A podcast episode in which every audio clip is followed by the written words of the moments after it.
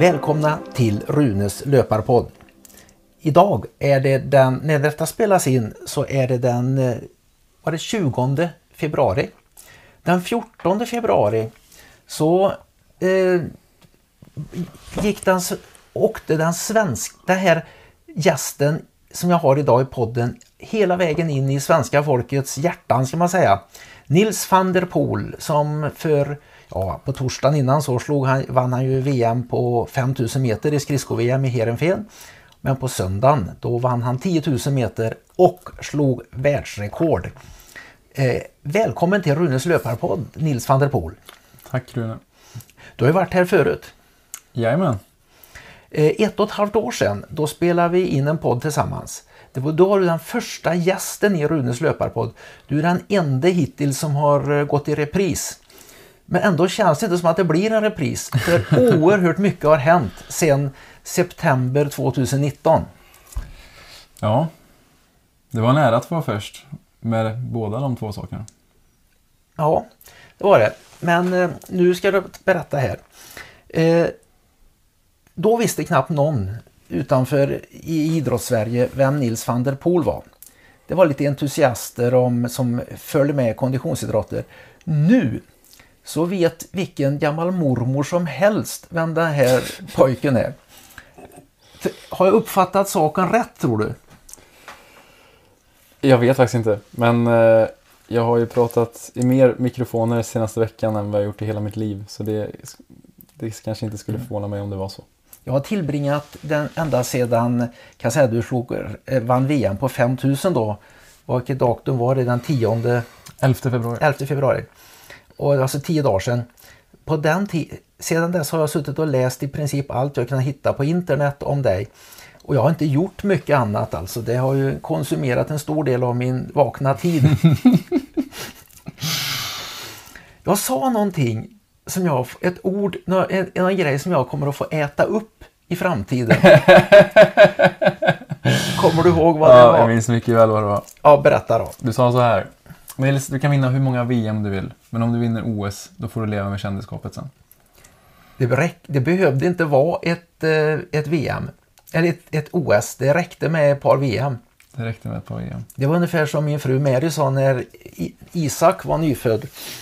Han var någon månad gammal och vi tittade på eh, Vasaloppet på tv 1992 då.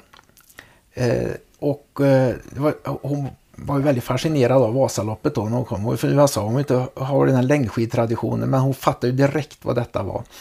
Och så hade vi en, en liten pojk då som bara, han var ännu inte en månad. Men han, han var ju genetiskt belastad för hon har ju haft världsrekord i sex dagars löpning. Och, och jag då, då sa hon så här. Han, be, han behöver inte vinna Vasaloppet när han blir stor. Det räcker med en olympisk guldmedalj. ja, det blev väl varken det ena eller det andra men de blev bra ändå våra två pojkar. Hur som helst, eh, du har helt plötsligt uppnått ett enormt kändisskap. Och det kan du inte neka till i alla fall. Så må det kanske vara. Det, ja. Ja.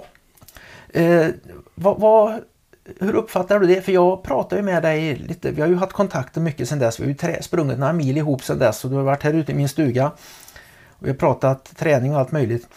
Och eh, då sa jag det att ja, du kan ju bli, kunna bli kändis och då sa du usch. Alltså du håller på att bli folkkär. I dina kommentarer. Och då verkar det som att det nästan var en skräck för dig. Varför? Ja, men vi har ju diskuterat det här del, men när man öppnar den dörren går det aldrig att stänga den igen. Nej. Men sen, sen är det klart att veckan efter man har slagit världsrekord och vunnit VM så är man väl lite populärare än vad man är två år senare. Liksom. Jag, jag, tror inte att jag kommer vara så intressant om fem år. Liksom. Det har nog många glömt bort mig hoppas jag. Men eh, det är ju... Det kom, alltså, att vara i offentligheten kommer ju med väldigt mycket liksom, möjligheter. Men eh, det kommer också med väldigt mycket risker. Mm. Fallhöjden blir betydligt större. Ja. Man blir väldigt mycket mer sårbar. Ja, det stämmer. Det, det ser man ju på väldigt många av de här stjärnorna som har eh, dykt upp då. Eh, det räcker ju att de gör det minsta lilla felgrej eller att de uppfattas fel på ett sätt av någon grupp i samhället. För något man säger eller man uttrycker eller som man står för så plötsligt får man dem emot sig. Zlatan, denne avgudade person, han får ju till och med sin staty nersågad och vandaliserad. Så. Ja, det är hårt. Det är hårt. Eh, det lär kanske inte bli någon staty över dig men eh, jag förstår vad du menar. Faktiskt. Det, det är inte...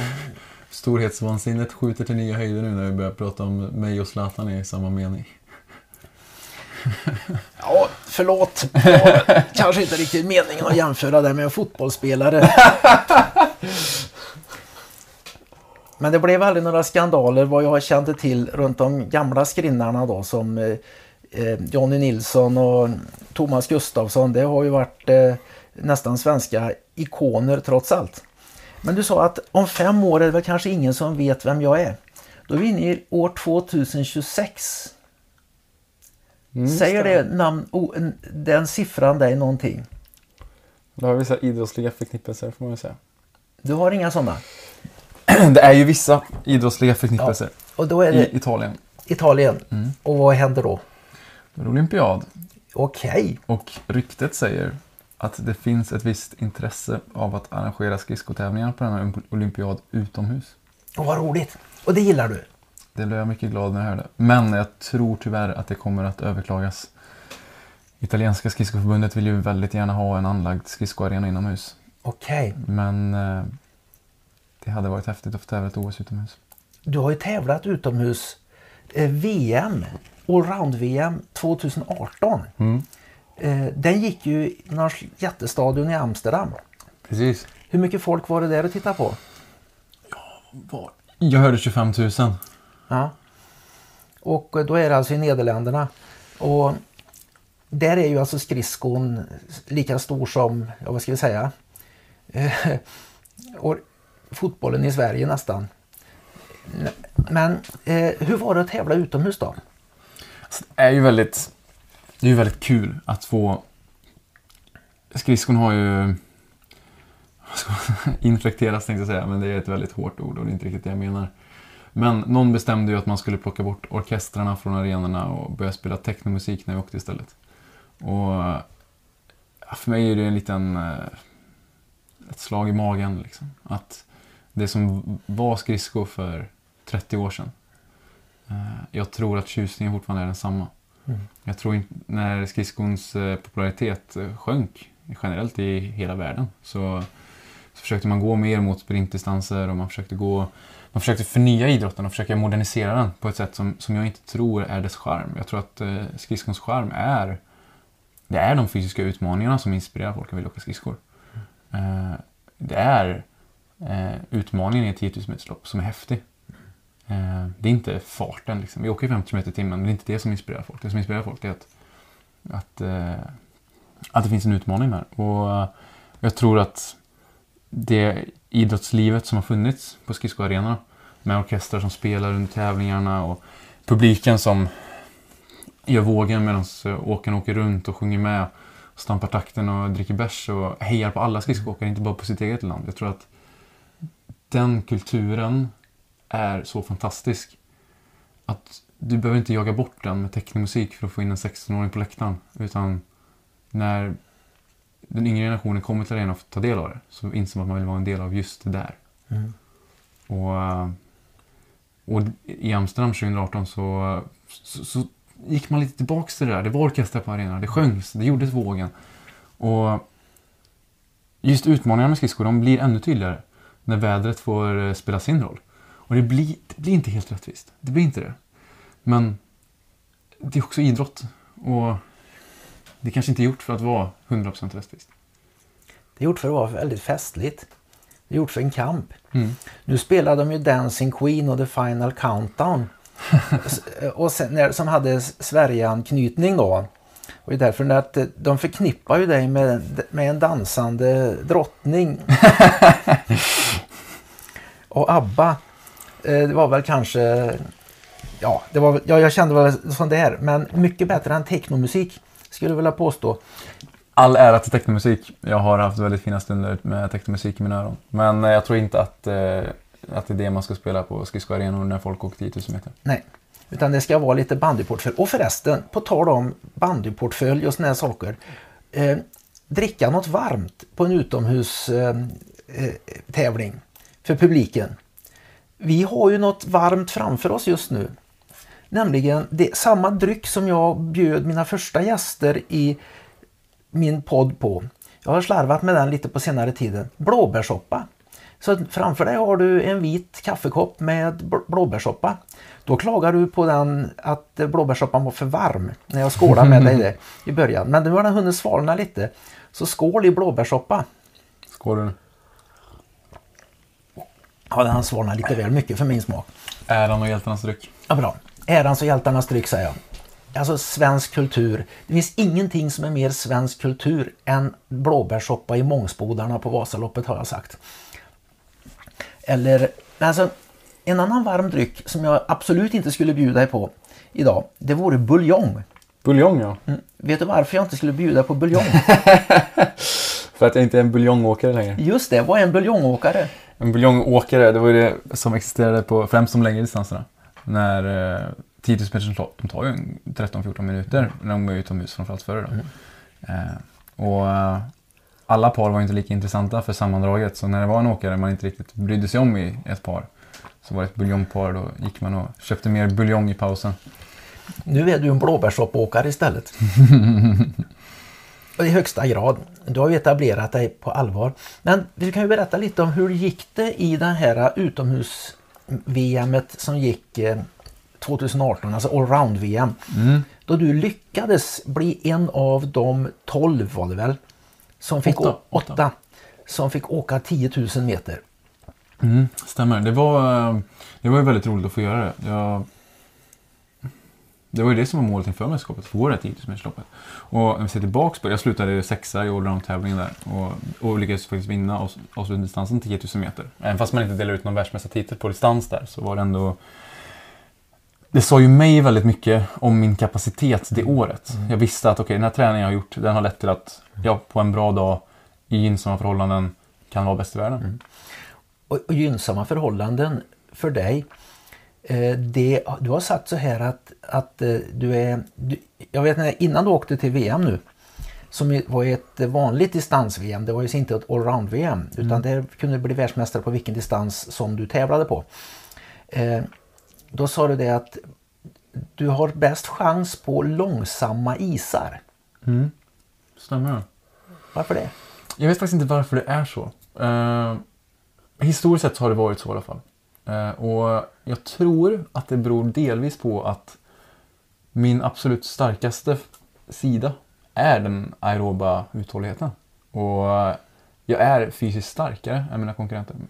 Och jag har tränat mer så det blir en del av det. Att när isen är sämre, loppen blir längre, då presterar jag bättre. Eh, men en annan del också är att jag är uppväxt på de svenska bandybanorna. Och vi har superbra förhållanden att träna och jättejämna förhållanden. Alltid bra väder som att vi är inomhus. Och, och vi kan bedriva en väldigt kontinuerlig träningsplan. Men isarna är inte lika snabba som de är utomlands. Eh, vilket gör att man blir bra på det man tränar. Mm. Och eh, då blir det bra på de lite sämre isen också. Varför är en bandyis sämre än en specialfrusen skridskois? Nu är inte jag skridskotekniker, men jag ska försöka mig på en förklaring. Och jag tror att den är ungefär så här. Det du vill åstadkomma med en is, du vill att den ska vara så pass hård att du inte sjunker ner i den. För så fort du sjunker ner i den så bromsar du.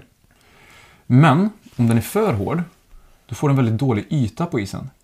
Så det optimala då, det är att ha en ganska tunn is som är väldigt, väldigt kall. Och sen en ishall som är ganska varm. Gärna 16, 17, 18 grader. Så att den översta, översta lilla, lilla tunna skiktet på isen nästan är smält. Men så att det direkt där under är stenhårt. Då får en väldigt fin yta som är väldigt hal och fin. Men du slipper att sjunka ner i isen. Mm. Och för att åstadkomma det så krävs det, ja, det är resurser. Liksom. Du måste ha väldigt kallt i rören som kyler. Du måste ha ganska varmt i hallen och det blir väldigt kostsamt. Jag antar att de har det i de här eh, hallarna där man tävlar i de stora sammanhangen. Och till exempel då i Calgary och eh, Salt Lake City, Insel och eh, då i Heerenveen. Insel förresten, det är inomhus det med va? Ja, det stämmer. Då byggde man in för eh, kan vara 12 år sedan, 10 år sedan. Okej. Hur länge har det funnits inomhushallar? Det kom eh, Calgary 98 där, eller 88, när eh, Thomas vann sina OS-medaljer. Gjorde han det i inomhushall? Mm. Jajamän, han var första olympien att ta ett guld på en inomhusarena. Hur påverkar det tiderna?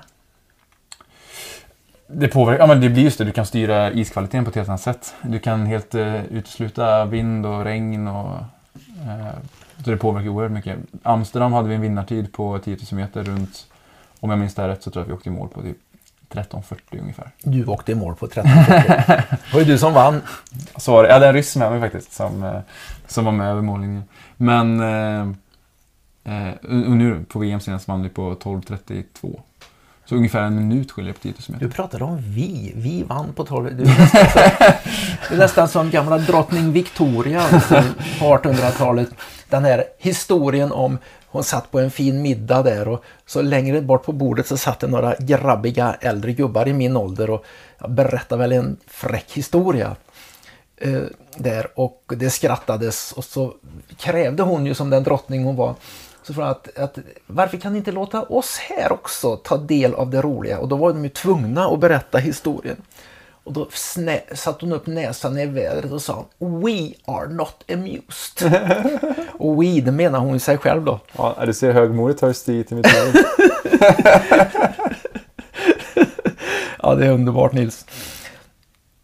Ja, du, men alltså, eh, där i Heerenveen nu, ni hade ju ingen publik. Nej. Tänk dig att få köra det med publik.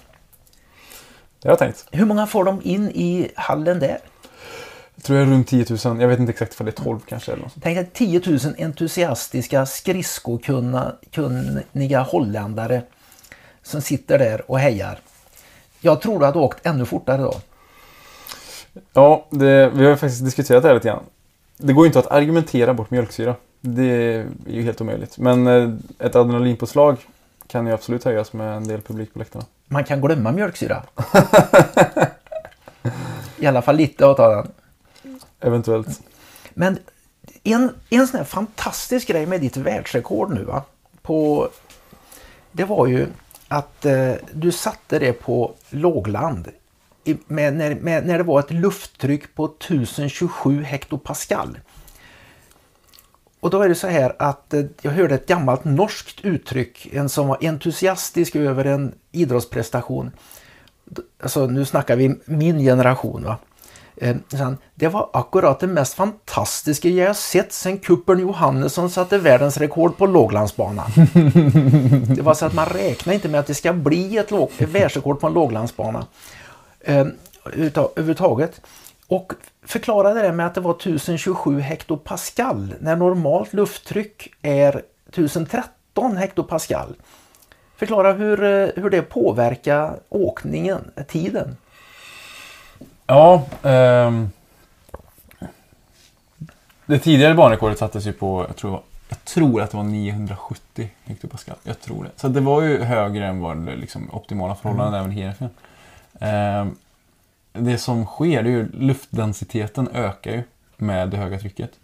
Och för en löpare så kanske det är något positivt. Ja. För han får mer syre. Mm.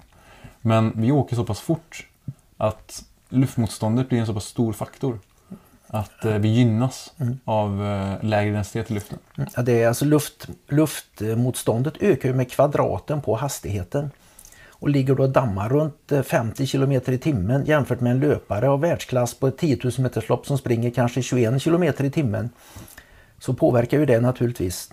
Det, Absolut. Då, löparen väljer ett, en så att säga, segare, tjockare luft med mer syre och skridskoåkaren väljer, han väljer bort lite syre för att eh, få, en, eh, få en tunnare luft och, som behöver klyva. Absolut. Men det är också värt att tillägga här, man, det, det, låter ju väldigt häftigt, ja men hur kan man slå ett världsrekord när det är så pass svåra förhållanden?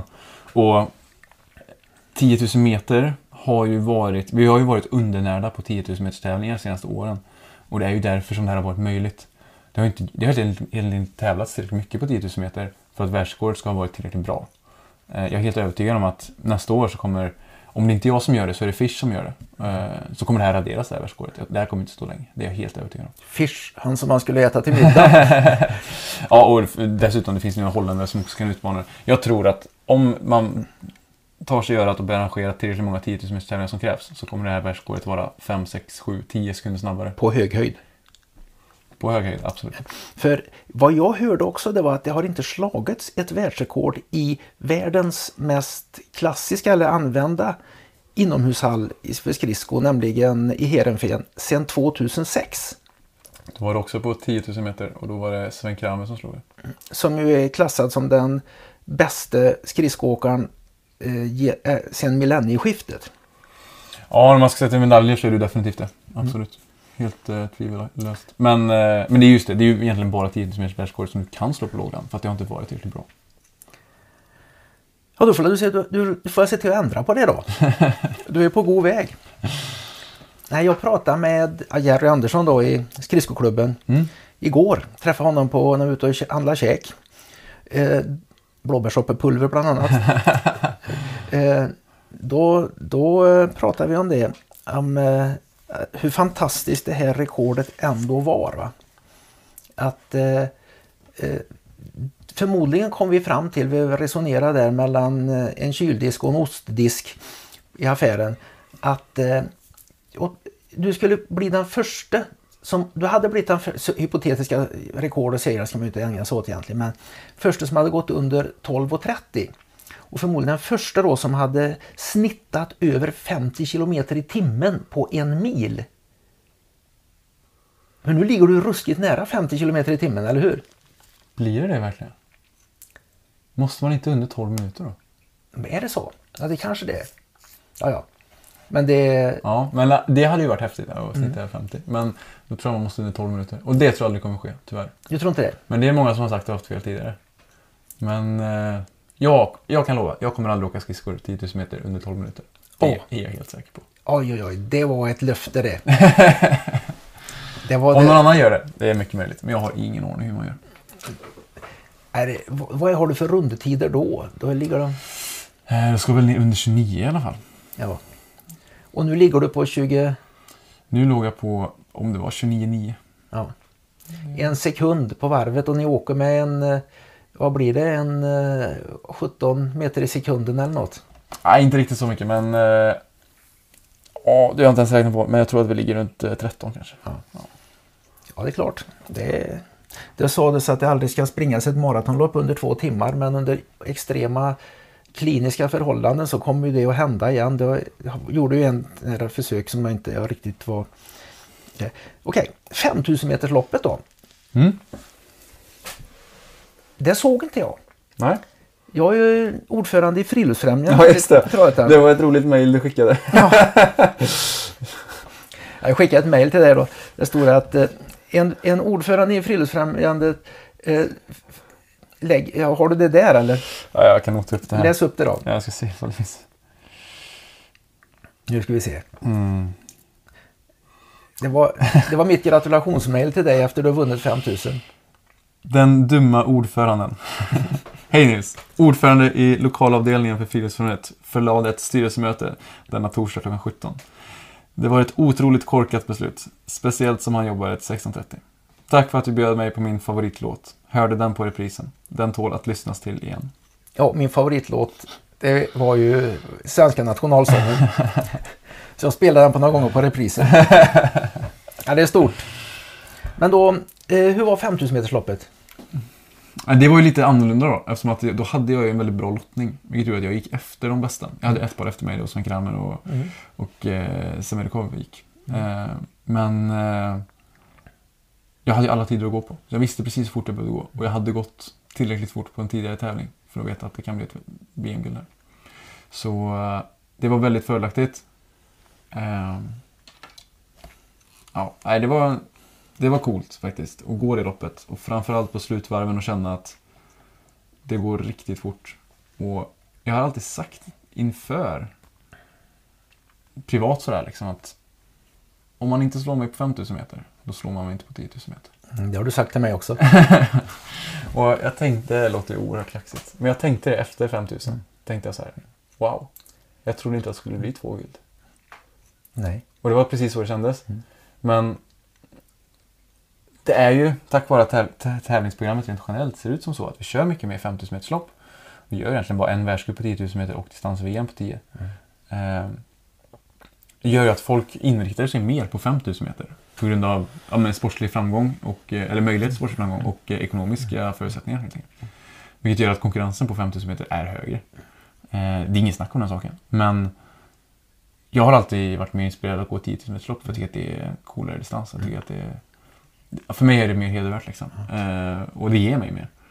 Eh, så det var coolt att verkligen känna att ja, i den konkurrensen över 5000 har vi kunnat segra där. Sen var det oerhört tråkigt för Patrik Rust som, som jag har tävlat med ända sedan jag var ungdom eh, på internationella tävlingar. Han har gjort en fantastisk säsong och även fjolåret likadant. Senaste 20 5000 metersloppen har han vunnit 17 stycken Oj, oj, oj på internationell nivå. De tre han inte har vunnit, det var distans-VM 2019, distans-VM 2020 och distans-VM 2021. Det, och det var, han var ju, det är ju en vän till mig liksom, han var ju helt sönderknäckt. Så det, var, det var tråkigt att se, men eh, samtidigt var det väldigt kul att få, få göra det. Alltså, jag såg ju också hur han satt där och hängde med huvudet och verkade deppig. Och jag tror ärligt talat att det satte sig i honom inför 10 000 också. Ja, det vet jag inte. Han... Som jag var inne på förut, du kan inte argumentera bort mjölksyra. När det finns så finns det. Och finns det stora mängder så är det svårt att hantera. Men eh, han gjorde några riktigt bra lopp i den helgen. Han gjorde jättebra lagtempo och hans 1500 var också en väldigt bra prestation av honom. Så att, eh, men jag tror just, jag tror att det han har problem med, utan att ge honom för många träningsråd. Det är faktiskt en tävling här och vi ska försöka bli bättre än varandra. Men en utmaning som man har rent generellt är ju att hålla uppe den aeroba kapaciteten genom säsongen. Det är väldigt svårt att upprätthålla en hög träningsvolym samtidigt som du ska tävla och tävla så pass mycket som holländarna behöver göra med sina nationella kval och nationella stora tävlingar som de behöver prestera på. Eh, och jag tror att det är därför han har svårt att eh, lyckas på, på distans-VM. Är det, Edvard har haft en fördel av att vara svensk i detta fallet. Ja, men definitivt. Vi har varit inne på det lite grann. Och holländarna har ju enorma fördelar i att eh, de har helt andra ekonomiska resurser än vad vi har. De har, de har ju till exempel en skridskoarena i sitt land. Det är ju helt fantastiskt. Eh, och de här proffsstallen som är väldigt bra och välservade. De har en kultur och en tradition och en kunskap. Liksom. Eh, och det här laget som egentligen kan hjälpa dem. Men vår absolut största resurs, eller min snarare, är väl att jag är helt själv. Jag har ingen annan att ta hänsyn till. Jag kan skriva ett träningsprogram som bara är inriktat mot min personliga utveckling. Det kan inte holländarna göra, för de har ett lag. Och Det är två olika sätt att eh, närma sig sporten och prestationen. Men eh, jag tror det viktigaste är inte vilka resurser du har, utan hur du hanterar de resurserna. Mm. Det vet du ju som gammal militär. Att Ja, är du bättre på din materiell så behöver inte din materiell vara bättre. nej, det stämmer. Det var som Chuck Yeager. Jag har hans eh, eh, självbiografi i bokhyllan här. Han sa att mycket viktigare än vad du flyger i för flygplan i en strid då. Det är hur mycket piloten har tränat. Där. Och då tänker jag på försäljningsargument för JAS Gripen internationellt då. Där det kost, en flygtimme kanske kostar 40 000 kronor. Medan för en sån här eh, F-18 Hornet och de där kostar det 140 000 kronor för en flygtimme. Så att eh, då kan ju ett eh, land som inte är en supermakt flyga mer. Och då kan ju i detta fallet en skridskoåkare med mycket sämre resurser, han kan ju göra så mycket mer med det han har. Så. Och det har du gjort. Och jag sa det när vi... För att komma in på andra ämnen här lite grann. Vi har ju en väldigt fin lista här med saker vi ska ta upp som vi inte kommer hinna igenom Nej. börja inse nu. Men för, för att, när vi ändå är inne på det. När jag du sprang till, eller när jag sprang till Karlsborg och du supportade mig där. Mm. Så pratade vi ju innan om under vilka omständigheter som det är okej att bryta. Ja. Och det hade vi ju, det hade ju haft de diskussionerna tidigare på andra ultralopp Ja. som jag har gjort. Men jag hade aldrig lyckats springa 100 miles förrän det här. Och då sa om, det kan vara så att mitt minne sviker eller att jag försöker glorifiera det här nu. Men visst sa jag att det här bryter vi inte. Vad sa du? Ett brytet ben, det springer vi med. Ja. Visst var det så? och, och jag tror att jag behövde det.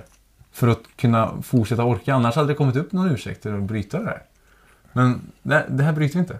Nej. Om pulsen understiger ett slag per minut, då går vi inte i mål. Nej, Vad blir det dimmig i huvudet då? Men fram till dess så skulle vi försöka.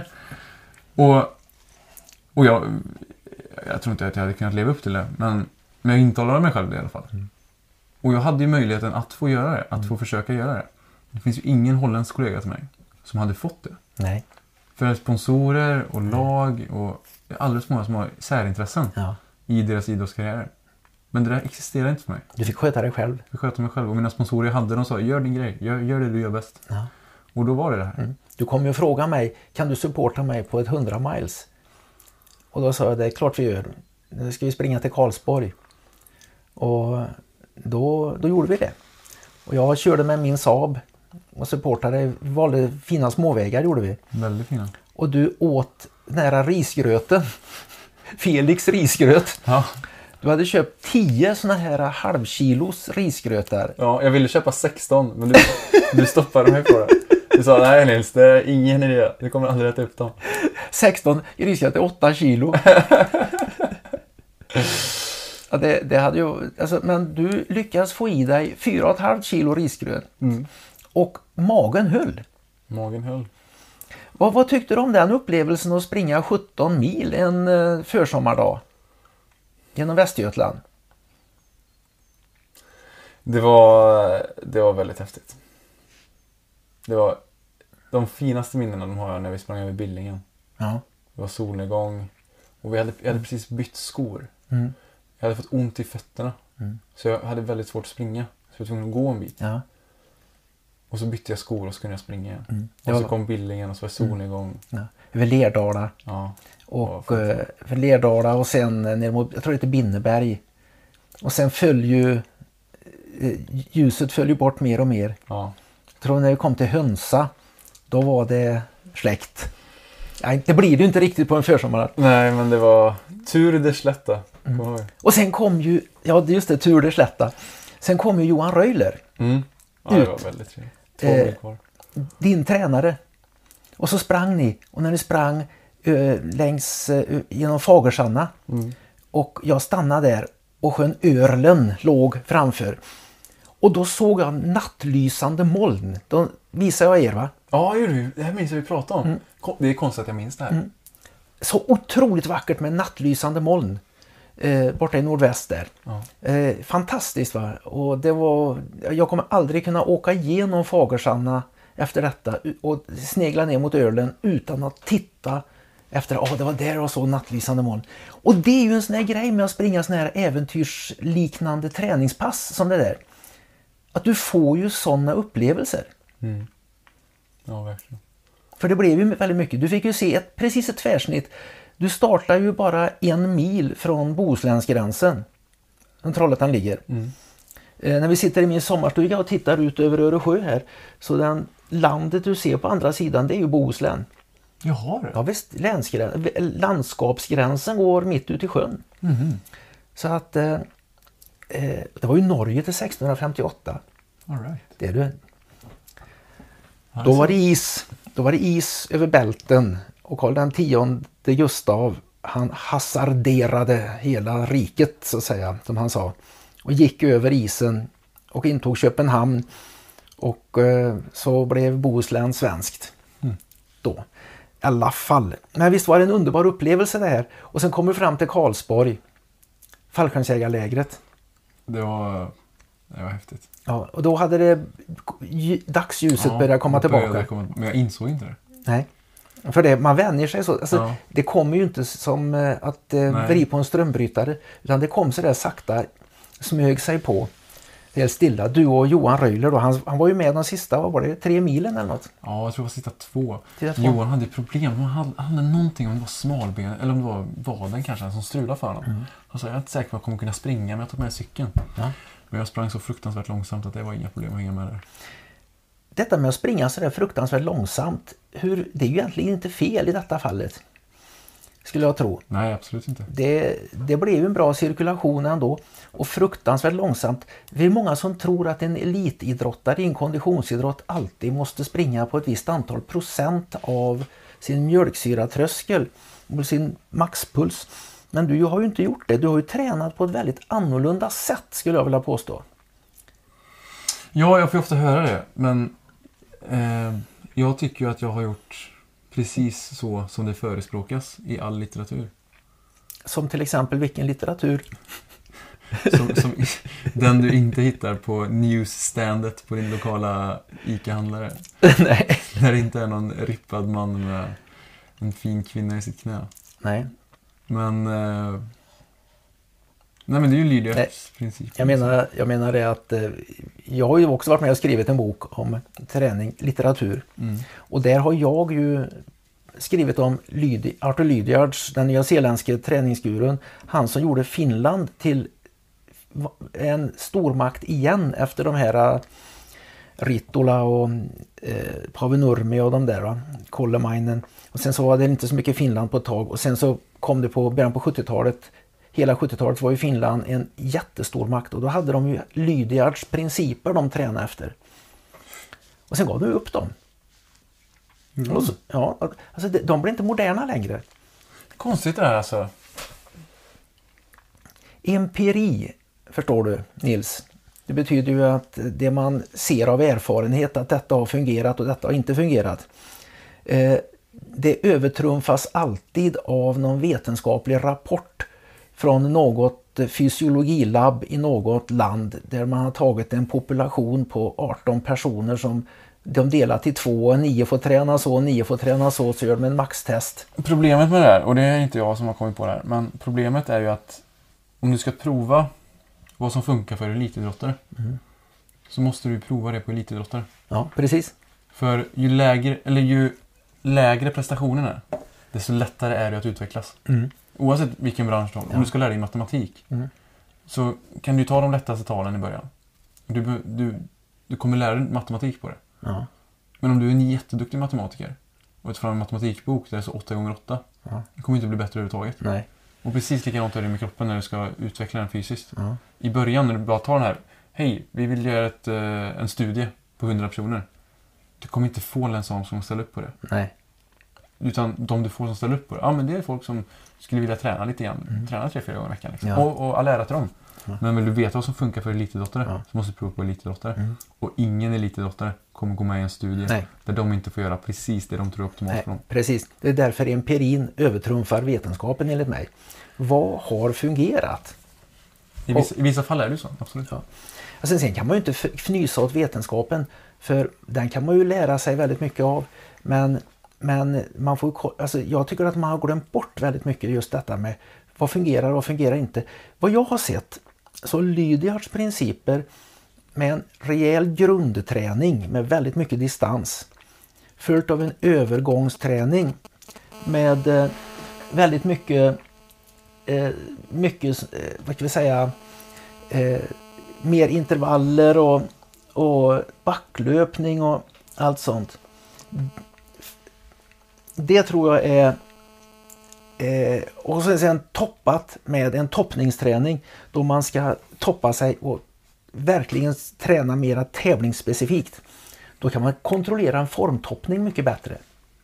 Väldigt sant. Och det är det som är, jag kommer inte ihåg vem det var som sa det här.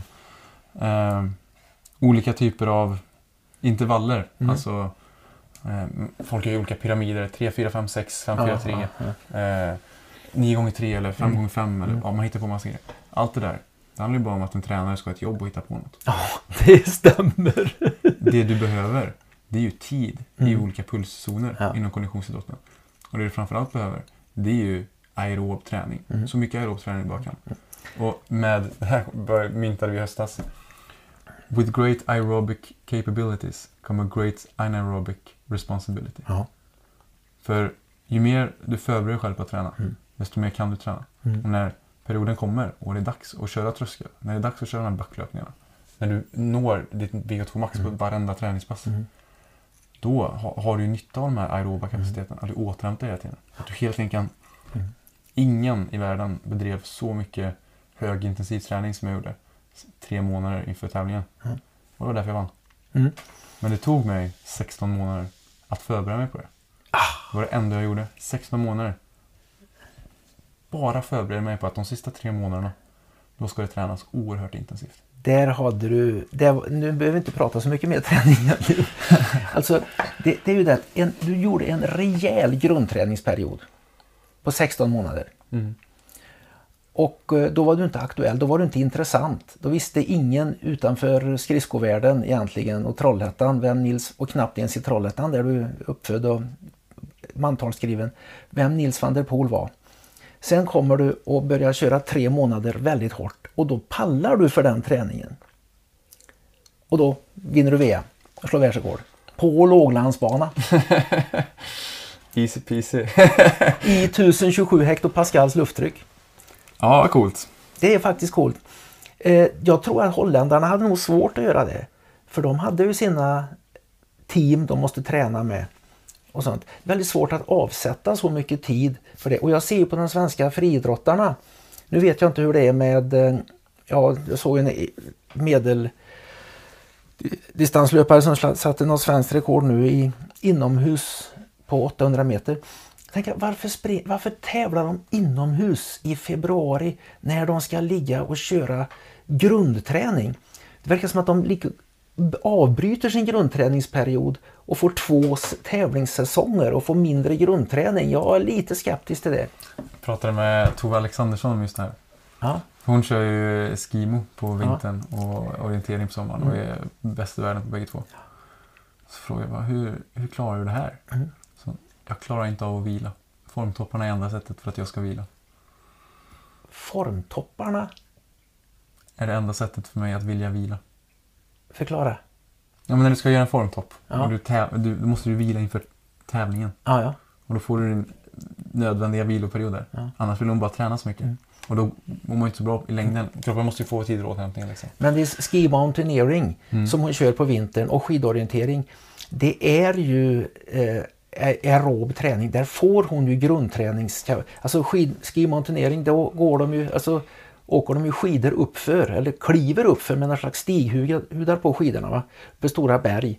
Och det körs väl kanske till och med kanske i svenska fjällen men rätt mycket utomlands. Och sen åker de utför och sen uppför ett nytt berg och håller på sådär. Rätt långvariga tävlingar. Jag, jag, tror det, jag tror det är väldigt blandat. Det finns de här långa, långa loppen som pratar om. Men jag tror också att det finns en hel del tävlingar vad jag förstår är bara Alltså det finns någon sprint de kör som inte är särskilt lång och det, det finns någon tävlingsdistans liksom som är runt en halvtimme ungefär. Då.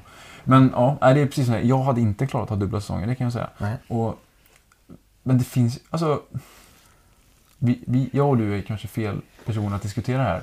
För att vi är ju väldigt övertygade om eh, det vi tror på. Grundträningens Precis. värde. Men eh, som du säger, eh, man ska inte förakta empirin. Nej. Och det finns ju en hel del empiri som tyder på att det vi gör mm. inte är det optimala heller. Men det finns också en hel del som talar för att det vi tror på funkar väldigt, väldigt bra. För oss. Det funkar för mig när jag hade min tävlingskarriär. Nu vet jag inte hur det hade fungerat om man hade gjort på ett annat sätt. Va? Nej. Eh, framförallt om man hade kunnat göra en proffssatsning där jag inte hade behövt jobba eller heltid eller studera på heltid och kunna vila mellan träningspassen och kunna anpassa min träning därefter. Det kanske blivit ett annat utfall. Men eh, det, sen ska man ju kunna göra att träning ska vara livsbejakande och rolig.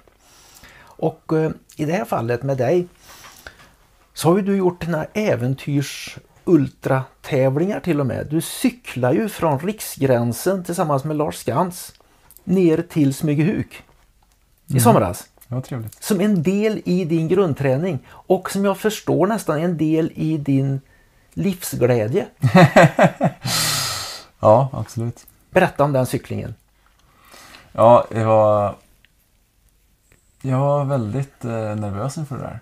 För att det var, det, var en, det var ju sju dagar som vi cyklade de flesta vakna timmarna vi hade de dagarna. Då. Men Lars var ju en sån oerhört stark cyklist att det var ju det var ingen match för honom att göra det där. Så jag gjorde bara mitt bästa för att försöka hänga med. Och eh, man vet ju aldrig vad som ska hända när man börjar. Men eh, det var, det var väldigt roligt att få uppleva Sverige på det sättet. Uh, och ja, det är ju ett äventyr alltså. Det, vi blev så oerhört väl mottagna överallt där vi kom. Mm. Där vi fick bo och vi åt jättebra mat. Och då visste de ändå inte att du skulle bli världsmästare ett halvår senare. Nej, Nej, det var nog inte någon som trodde. Men eh, förutom jag kanske. Och jag. Nej, det var ju helt fantastiskt alltså. Jag... det var kul. Vi hade en incident där när vi hade cyklat två, tre dagar eller något. Och vi hade ju alldeles för lite kläder med oss. Vi började i norr och cyklade till söder. Och eh, det var ju varmt i Sverige då. I alla fall i söder. Men vi kom upp dit och jag hade inte med mina skoöverdrag. Jag frös som dem. Jag hade alldeles för vantar, frös som händerna. Och det, det regnade på oss nästan varje dag. Men vi hade en himla tur med vinden. Så vi hade ju nästan medvind i sju dagar alltså. Mm. Vi var ju två personer som ibland låg vi bredvid varandra och ibland växeldrog vi. Men jag tror att summerat över hela cykelturen tror jag vi snittade över 30. Så jag tror vi snittade liksom 32 km i timmen. Vilket är ganska bra för att vara, Ja, det är det. cykla hela dagen och inte ha någon dra, i större draghjälp. Liksom. Men det beror ju mycket på att Lars var så himla stark. Men eh, eh, dag tre så regnade det på oss. Och regnjackan som vi trodde vi hade med oss var en vindjacka tydligen. Oj. Så vi frös så otroligt. Så till slut så kunde vi inte använda växlarna längre. Eller jag kunde inte göra det i alla fall.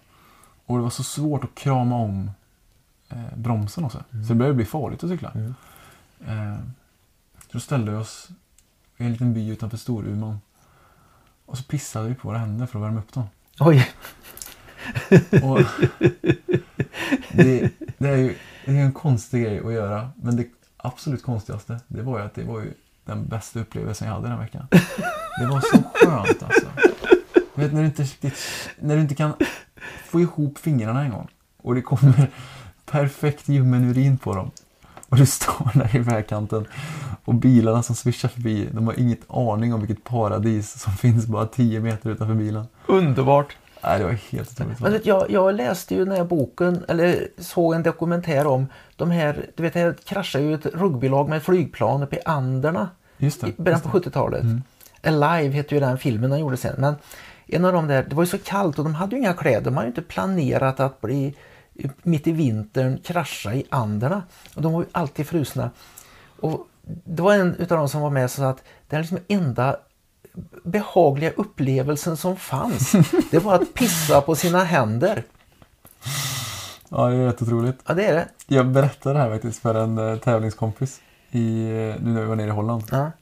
Och eh, jag kommer, jag kommer inte ihåg hur vi kom in på det liksom. Men, men vi pratade om det, vi satt i matsalen och det blev ju alldeles för offentlig diskussion där. Och flera, flera länder som la sig i och det, Ja, det var inte så bra. Men han sa jag skulle aldrig kunna kissa på mina egna händer sa han. Och då sa han, du har inte frysit tillräckligt mycket. Nej. Du skulle gott och väl kunna Ja, kissa ja, på ja, händerna." ja, ja. Så skrev han till mig här eh, för några dagar sedan. I'm fucking cold now and really thinking about pissing my hands dude.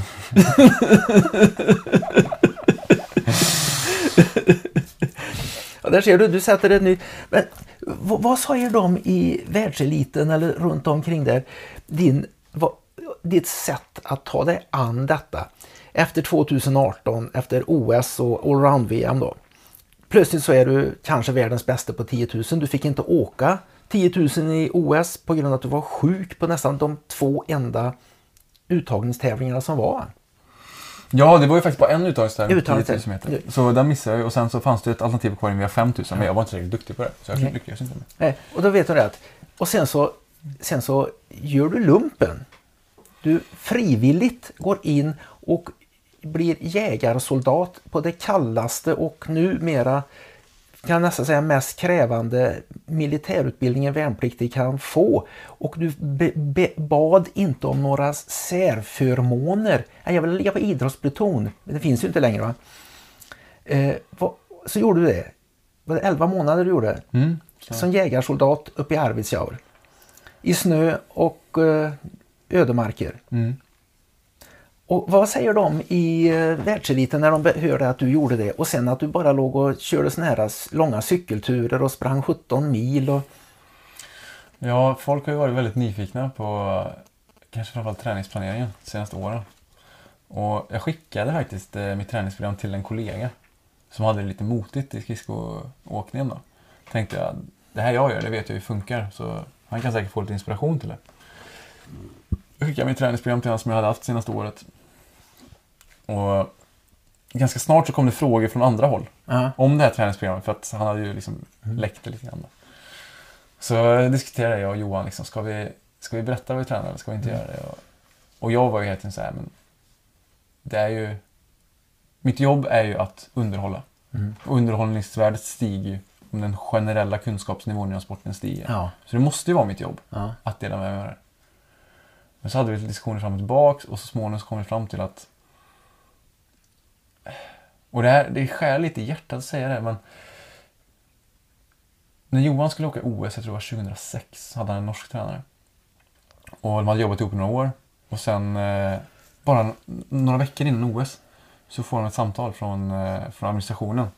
Det är Olympiatoppen i Norge som eh, hör av sig och säger att eh, ja, din tränare här, han är ju anställd av norska förbundet. Han kommer inte coacha dig på OS. Bara så du vet, ha det gott, hej. Nej. Jo, och det är ju en sån tuff historia liksom. Och, och så sa han det, det här var vad som hände med Ennis. De kommer ta varenda chans de får att knäcka dig och göra någonting som är till din nackdel, så kommer de att ta den. Du kan inte förvänta dig någonting tillbaks. Och då tänkte jag att enda sättet att möta det är ju, om du vill bygga en kultur, så är enda sättet att bygga en kultur genom att vara den kulturen. Och det kändes ännu mer som att vi måste ju dra med oss våra träningsprogram. Så att folk fattar hur man ska göra. Ja. Så att tävlingarna är konkurrenskraftiga. Mm. Men vi valde, trots det, och det skär lite i min moral, att vi gjorde inte det. Vi försökte hålla det hemligt istället. Så hemligt det gick. Vi sa lite svepande vad vi höll på med och folk vet ju att vi gjorde de här ultratävlingarna och långa cykelturer. Det vet ju folk om. Men vi har, vi har sagt så här att fram till nästa OS så ska vi, så ska vi hålla det så, lite hemligt vad vi gjorde. Och sen efter OS släpper vi alla träningsprogram, allting. Då ska jag inte fråga dig så mycket mer om träningen. mer än att... Eh, eh, men hur har de reagerat på att du frivilligt gick in och gjorde värnplikten? För det, det kan du inte redan ha mörkat för dem. Nej, det har jag inte märkt. Det har jag inte försökt märka. Nej, det är mer små detaljer i träningen som man inte vill läcka. Liksom, Ja. och så. Men eh, det, ja, en, eh, en, en bra underrättelsetjänst har nog lagt vårt pussel vid det här laget tror jag. Ja. Men hur reagerar man på det? Jag tror att det finns en, framförallt bland oss 10 000 meterslöpare, så finns det en oerhörd respekt för varandra. Precis på samma sätt som jag upplevt inom ultralöpning. Ja, ultralöpning är samma. Ta ta Spartathlon. Det räcker att du kommer dit och eh, alltså, det räcker att du vågar ställa dig på startlinjen. Mm. Plötsligt så har du allas respekt. Mm. Och, och lite sådär är det med 10 000 meter också. Mm. Jag upplever inte det på 1500 eller 5000. Eh, utan där... Ja, men du blir trött och så går du i mål. Ja. Men 10 000 meter är så utlämnande. Ja.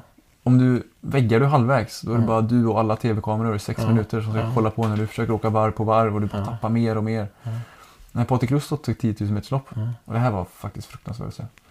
Hans coach slutade heja på honom Nej, med fem varv kvar. nej. Men Patrik gav sig inte, han gjorde allt han kunde.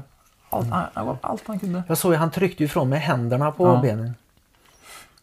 Men, och, och, och det är just, just, just den där, även fast hans coach brast där, så just den respekten mot varann. Ja. Att den här uppgiften som vi satt och lösa här, den är oss övermäktig. Mm. Den, vi kommer inte, om vi gör vårt bästa, så kommer inte vi vara samma efteråt. Och att det liksom tvingar fram någon form av ödmjukhet inför den uppgiften och inför de andra som åtar sig den uppgiften. Och det är det som jag tycker är så himla fint med konditionsidrotten. Att det blir en sån fantastisk kamratskap som det precis blir på en jägarpluton. Och just eftersom att ja, jag valde att gå en annan väg så tror jag att många inom världseliten också tycker att när det ledde till resultat, att det var väldigt inspirerande. Ja. Men fram till dess, första gången jag var på träningsläger i Insel här i höstas, folk hade inte sett mig på två och ett halvt år och tänkte himlade nästan med ögonen, fy vad fan Ja. gör han här liksom? Ja. Ska han hålla på? Tror han att han kan? Ja. Vi, vi har gjort det här hur länge nu, vi kan det här. Ja. Och sen slog jag banrekordet där. Ja. Då hajade folk till. Bara, fan har han gjort? Ja. Och, det, och sen dess har jag bara upplevt sån, sån, sån kärlek liksom. Och, ja, det har varit eh, det har varit kul att eh, att få vara en del av världseliten igen. För det, det är en väldigt härlig kultur. Det är där du hör hemma. Ja, det är fantastiskt. Vi pratade om Johan Röjler. Mm. Han är ju din tränare. Mm. Nu pratar vi väldigt mycket vi-form. Vi har räknat, hade tänkt och vi har tränat. Ehm, han har ju varit din tränare nu i ett par år va? Eller var det sen OS? Ja, i princip. Det var inte, så, var inte så att han tränade mig under värnplikten. Men eh, efteråt där så tog vi upp kontakten på riktigt. Och eh, han, Johan är ju själv en gammal elitåkare. Mm. Av Ja. världs, världsklass var han väl. Jajamän, VM-silver lagtempo 2009. Ja. Tre OS. Ja, tre OS, inte, inte så illa. inte så illa pinkat. Eh, Örjan Sandler som var med i min podd i, i somras. Ja. Här. Då satt också här ute, han satt precis på samma plats där du sitter nu ute i min sommarstuga. Eh, han har varit med i fem OS. Det är inte många olympier som har Det är inte många olympier. loggat in fler OS där. Nej men Johan Röjler då. Eh, hur är er relation så att säga? Är det, eh, hur mycket styr han? Hur mycket är han bara service och detaljer och hur mycket... Ehm, senast, Johans arbete har stegrats på successivt ända sedan, eh, sedan OS egentligen. Det var väldigt svalt när jag gjorde värnplikt. Vi hade lite kontakt varje månad, bara något sms liksom och sådär. Men, eh, men sen när jag började träna ordentligt i maj 2019 så fick vi allt mer kontakt och, och eh, det var väl främst Främst diskussioner kring träning, vad vi trodde på, vad, vad som skulle kunna leda till framgång på sikt. Eh, och första året egentligen, ända fram till eh, kanske februari, eh, så, så handlar det väldigt mycket om att bara ha idrottsglädje. Liksom. Bara, okej, vi ska samla timmar, det är det det går ut på. Ja. I grund och botten går det ut på att vi ska samla timmar. Och bästa sättet att göra det på, det är nog genom att tycka att det här är väldigt roligt. Så då, då var, jobbade vi. Jag hade ingen pulsklocka. Liksom. Jag drog ut med ett armbandsur och körde. Fick ju väldigt mycket kritik från det, från olika håll. Liksom. Vad håller du på med? Men för mig var det bara, jag ska ha timmarna. Mm. Och jag tyckte att det var stressande att veta hur fort det gick. Jag tyckte det var stressande att veta om pulsen var bra eller dålig idag. Jag ville bara ut och ha det gött liksom. Och Johan var helt med på det spåret. Och, men så när det, när det var, när vi började närma oss de mer högintensiva träningsperioderna. Ja. Då blev det också viktigare att hålla koll på hur, hur svarar kroppen idag, hur mycket kan vi belasta den med. Ja. Och en väldigt klok man skrev en bok och, och jag fick ett exemplar, det stod på första sidan. Träna inte ihjäl dig, men ligg på gränsen. Och när man ska lista ut var den där gränsen går, Mm. då tror jag att man, det underlättar att ha en del mätvärden. Jag undrar vad det var för en bok. Löparglädje, ja. Det är en bra bok. Ja, det, jag skrev den. Jag skrev det, detta, detta måste jag bara rätta. detta, detta är för roligt för att under, undanhålla världen. Eh, jag har ju alltid sagt det att träna inte ihjäl dig men ligg på gränsen. Och det, det är ett sånt där, eh, det, det, det skriver jag inte till vem som helst, det är bara några få som får den hälsningen. Och det är de jag tror eh, har det som krävs mentalt för att hitta det roliga i att träna så mycket. Va? Det får inte bli för mycket. Jag tränar ju ihjäl mig som maratonlöpare höll jag på att säga. Det fick, ö, ö, gravt övertränad då efter jag hade slagit mig pers på maraton. Men i alla fall, så när jag var så in, otroligt engagerad i de 10 000 meterslopp. Jag satt i soffan hemma i Trollhättan där. Jag tittade och tittade och det var rundtider och jag förstod att ja, detta kommer att bli svårslaget för de andra. Även Patrik Röist och den ryss som gick par efter kunde bli ett hot. Några stycken. Och jag stod där och var så engagerad och sen är det två varv kvar. Då ser man att nu är det till och med världsrekordet. De hade ju en liten klocka där som visar hur mycket du hade kvar, hur mycket du låg under världsrekordpasseringarna. Och den var, så länge den var grön så låg du under, blev den röd så låg du över. Där. Och jag, blev så upp, jag stod upp i soffan, jag kunde inte sitta längre, jag stod och hoppa och heja och jubla när du gick över mållinjen och då svartnade för ögonen. Så här, jag föll ner i soffan och fick, mådde illa och fick några bröstsmärtor och när man vid min ålder, jag fyller 65 snart, får bröstsmärtor och, och mår illa och sånt där, det, det, det är inte riktigt bra om man göra det. Va? Så att eh, jag skrev ett eh, mail till dig då, kommer du ihåg? Mm, jajamän. Jag skrev att jag kommer nu att ändra min hälsning till dig istället för att, att skriva eh, träna inte ihjäl dig men ligg på gränsen. Jag kom, kommer jag skriva tävla inte ihjäl mig men ligg på gränsen. för det var, var nästan så du tävlade ihjäl mig där. Jag har nästan aldrig blivit så glad och upphetsad och tyckt att en idrottsgrej jag har sett på tv varit så engagerande och rolig. Så trots att jag hade ont där i bröstet så låg jag där och skrattade i soffan. Men Visst, visst upp, uppsökte du sjukhuset? Jo, jo, jo, jo, men det är säkert. Det var ju på söndag. Och, och sen på måndag tänkte jag att jag får kolla upp det här. Så jag ringde ju vårdcentral, försökte ringa min vårdcentral, Prima praktiken i Trollhättan. Men det var ju som att köra huvudet i en citron. Det var ju bara så här att, att just nu är det många som ringer till oss. Du får försöka igen senare. Och då, ja, fem gånger försökte jag under dagen. Så jag, "Förlåt, de får kolla med den. Så när jag kom hem från jobbet, jag vikarierar ju på en skola då. eh, Så eh, ringde jag den här 1177. Och de sa att det skulle varit blåljus direkt. Nu får du, måste du kolla upp det där. Jag åkte upp till Näl, där sjukhus, lasarettet i Trollhättan. Jag kom in direkt alltså. Jag körde bilen upp själv då. Inte blåljus. Ja, vad då min farbror Ernst, när han cyklade ju från Upphära till lasarettet i Trollhättan när han fick en hjärtinfarkt när han behövde in på sjukhus. Det ligger i släkten, Nils. Nej, men i alla fall, då upp, de, de kopplade upp mig och tog blodprover och grejer. Och blodtryck och syremättnad och allt möjligt. Och det sa pip och pling och pip och det var, lät ju som, pep ju som den där sopbilen backar nästan va, hemma. Och då konstaterade han det att ja, vi hade ett gammalt EKG här lagrat på dig som det inte skett någon förändring och du har inga såna här enzymer för att du har fått en hjärtinfarkt och blodtrycket är 124 över 70. Det är jättebra. Att vi, vet inte vad som hände. Men det var nog alltså helt enkelt att det blev för mycket. Det är först tänker att, att en server eller en dator kraschar. Va? Du kan ju, du kan ju krascha en, det blir för mycket information. va? Då plötsligt så puff, det var nog det som hände med mig. Ja, det är en oerhörd ära att nästan ha tagit koll på mannen som ingen har tagit koll på. Nej, precis. Det är, det är glad att du säger det på det sättet, men då ska du också veta det att, att jag engagerar mig aldrig i annan, idrott överhuvudtaget nästan, men den gången var det det. Och mycket var ju för det, för att vi har ju pratat, vi har ju suttit och resonerat mycket om träning du och jag. Mm. Under här, ja, ända sedan OS 2018 skulle jag vilja säga att du har varit här ute, vi har sprungit ihop några gånger och resonerat träning. Och du har varit väldigt nyfiken och det har ju varit en av de grejerna som jag tycker har gjort din storhet. Och det är ju det att du har sökt information från så många ställen. Jag kan inte säga direkt att jag visste att du hade Johan Röjler som tränare. Och jag har ju läst coaching, det är jag i min akademiska utbildning från USA. Så ingår ju coaching. Och en sak man lärde sig, gå aldrig in mellan idrottsmannen och coachen och håller på att ge idrottsmannen som har en coach en massa råd. Jag tycker du borde göra så och så. Och det har jag varit väldigt noga med. Det hoppas jag andra har varit också. Däremot har jag svarat på frågor som du har ställt. Eh, Gjort det och när du, vi har resonerat, det är en annan sak. Va? Mm, verkligen. Eh, Men du har ju sökt kunskap väldigt brett. Det har ju varit många fler människor som du har.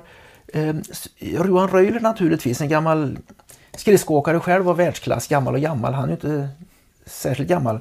Han hade ju sin storhetstid för en 15-20 år sedan. Ja, 15, 10, ja. sådär. Wolfgang Pichler, Mm. han som fick fart på svenska skidskyttelandslaget en gång i tiden. Vilken roll har han spelat? Så det finns en hel del personer som...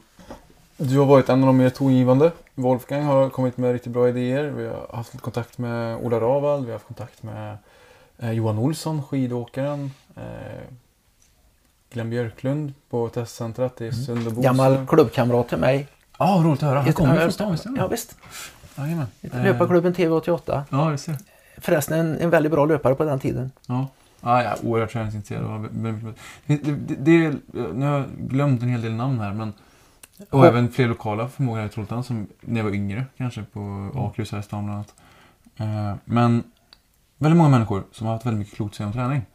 Och det är en viss konst att kunna ta åt sig allt det där. Men samtidigt inte drunkna i det. Ja. Och när man var ung, när man var 13, 14, 15, liksom, då fick man ju väldigt mycket tips och råd. Alla ville hjälpa till när man gjorde något bra resultat. Ja, men borde göra så här, borde göra så här, borde göra så här. Och det där, det där lägger sig aldrig. Jag kan säga, en vecka innan VM här fick jag ett sms. Det var en eh, firma i Holland som ville ge mig lite nya skenor. För jag åker på andra stål än vad mina konkurrenter gör. Och det är väldigt många som, som tycker att det är väldigt konstigt att göra det. Och det som vi var inne på förut, det kanske handlar mer om hur du kan hantera ditt material än ifall du har riktigt bra material. inte. Och jag kan hantera det här materialet väldigt bra, så det funkar bra för mig. Jag kanske inte är det optimala, men det funkar bra för mig. Då var det någon som gav mig par nya stål sa, här, de här är bättre. Och förresten, vill du ha ett tekniktips? Så jag en Nej. kille som kan hjälpa dig. Nej, Och det här var ändå veckan innan jag slog veckan innan du slog världsrekordet. Och då hade du redan hunnit vinna 5000 eller? Nej, det har jag inte gjort. Det har jag inte gjort. Mm. Eh, men jag har tagit en världscupmedalj precis. Och det är, eh, det är ju ganska kaxigt. Det är kaxigt. och komma med det rådet till någon. Som... men eh, det var ju kommit från ett gott ställe, det förstår jag. Men, men någonstans måste man ju vara tillräckligt trygg i sig själv för att fatta att Mm. den idén man har och den vägen man går Ja. är tillräckligt bra. Ja. Men du får inte bli så dum att du tror att den är optimal. Nej, För det är den ju inte. nej. Och, och det finns ju folk som har varnat mig för det här. Att du eh, snackar inte med för många så du får bara myror i skallen. Mm. Men kanske man får när man är 13. Liksom. Men när man är 24, du har gjort det här ganska länge. Då, då, då lär man ju sig också hur pass bristfällig min idé är och att det är viktigt att ta in de här influenserna. Och vi fick influenser senaste, ja, men senaste året som vi inte tog till oss av. Som vi inser nu att det där borde vi ha gjort. Vi borde ha lyssnat på det här. Liksom. Och vi gjorde kanske saker som, vi, som var fel. Eh, och, och det är det där som är skapandet av den där vägen. Och den där vägen är ju eh, det är det som är det viktiga. Liksom. Och, I den boken jag skrev, Löparglädje, som du säger dig ha läst. Eh, där står det en liten snutt, eh, eh, där står det bygg, skaffa dig ett informationsfilter. Mm, Ett mm, råd mm. till. Alltså fil, lär dig filtrera bort en väldig massa av den informationen du får. För det här passar inte mig. Ska du ta till dig allt? Va? Ska du låta alla stå och rycka i dig och slita och eh, åt alla håll? Va? Då blir det inte bra. Jag tror jag läste, om det är sanning, vet jag inte, det skrivs ju en del också, om eh, Kalle Halvarsson, Mm. eh, skidåkaren. Att eh, han har ju liksom drabbats av det att det är en massa personer där som har sagt att, eller massa eller några, som har gjort, gett honom råd som spretar. va Och då blir han osäker på sig själv. Och så blir det liksom inte det här att måste vara säker på sig själv. Och därför jag sa detta med att aldrig gå in mellan tränaren och tränar och idrottsmannen. Ja, För då kan skapa osäkerhet. Jag coachade ju någon någon gång och då tänkte jag okej, mycket distans under grundträningen.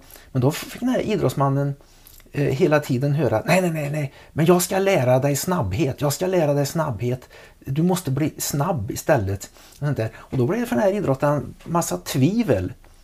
Så det där det är en konst alltså att söka kunskap brett. Mm, Att kunna verkligen. gallra bort. Och det är, där som, det är där som Johan haft en så bra roll. Och Johan, Eh, Johan Röjler. Röjler. Just för att han har alltid varit samlingspunkten för allting. Jag har pratat med någon eller han har pratat med någon eller jag har fått någon idé eller han har fått någon idé. Så nu har vi alltid gått ihop och bara okej, nu har vi den här idén. Mm. Vad tror vi om idén? Ja, vi tror att det kanske är en bra idé. Mm. Finns det plats i vårt träningsprogram för det här?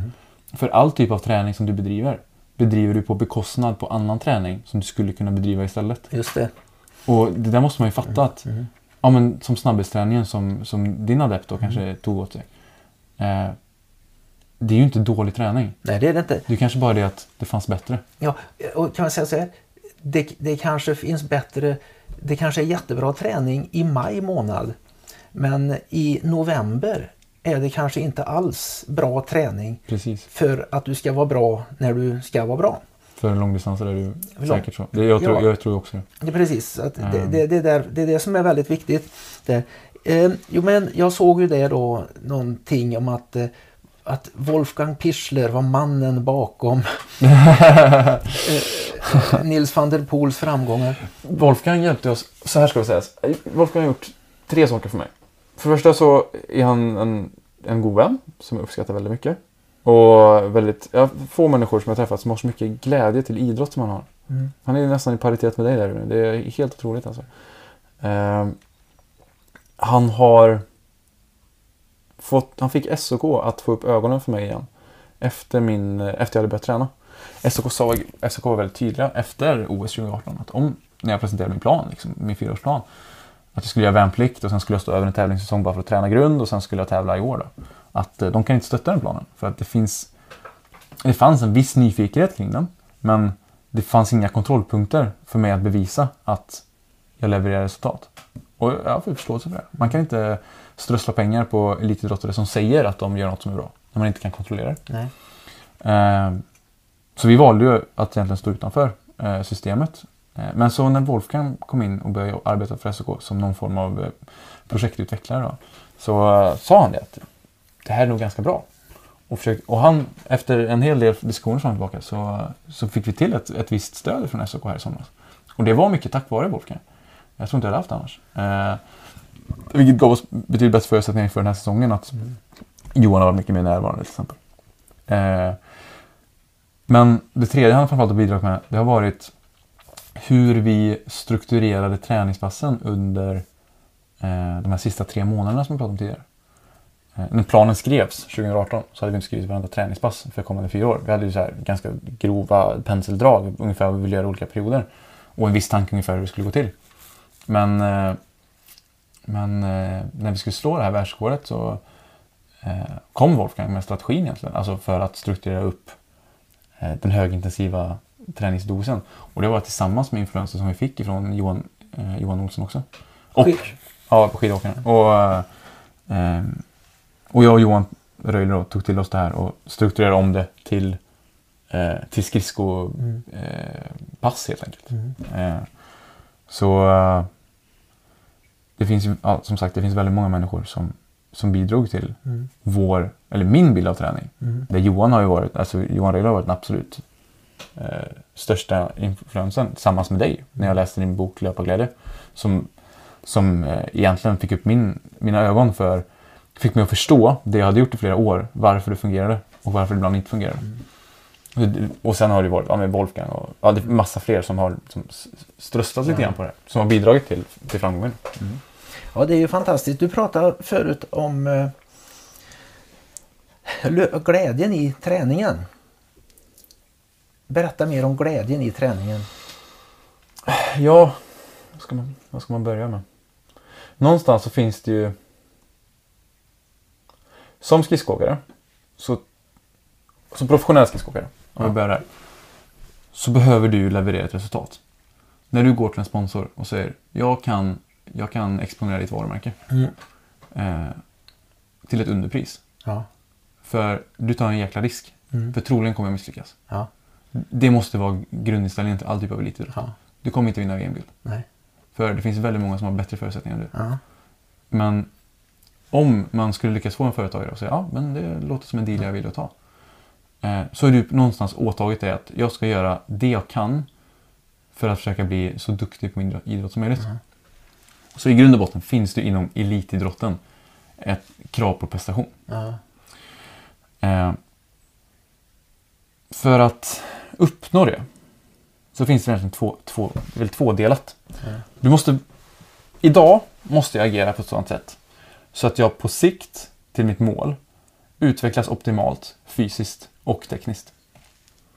Men jag måste också agera på ett sådant sätt att jag på sikt kommer bibehålla träningsmotivationen och vakna varje morgon att fortsätta Ja. vilja utvecklas optimalt fysiskt och tekniskt. Och det där är en jäkla balansgång.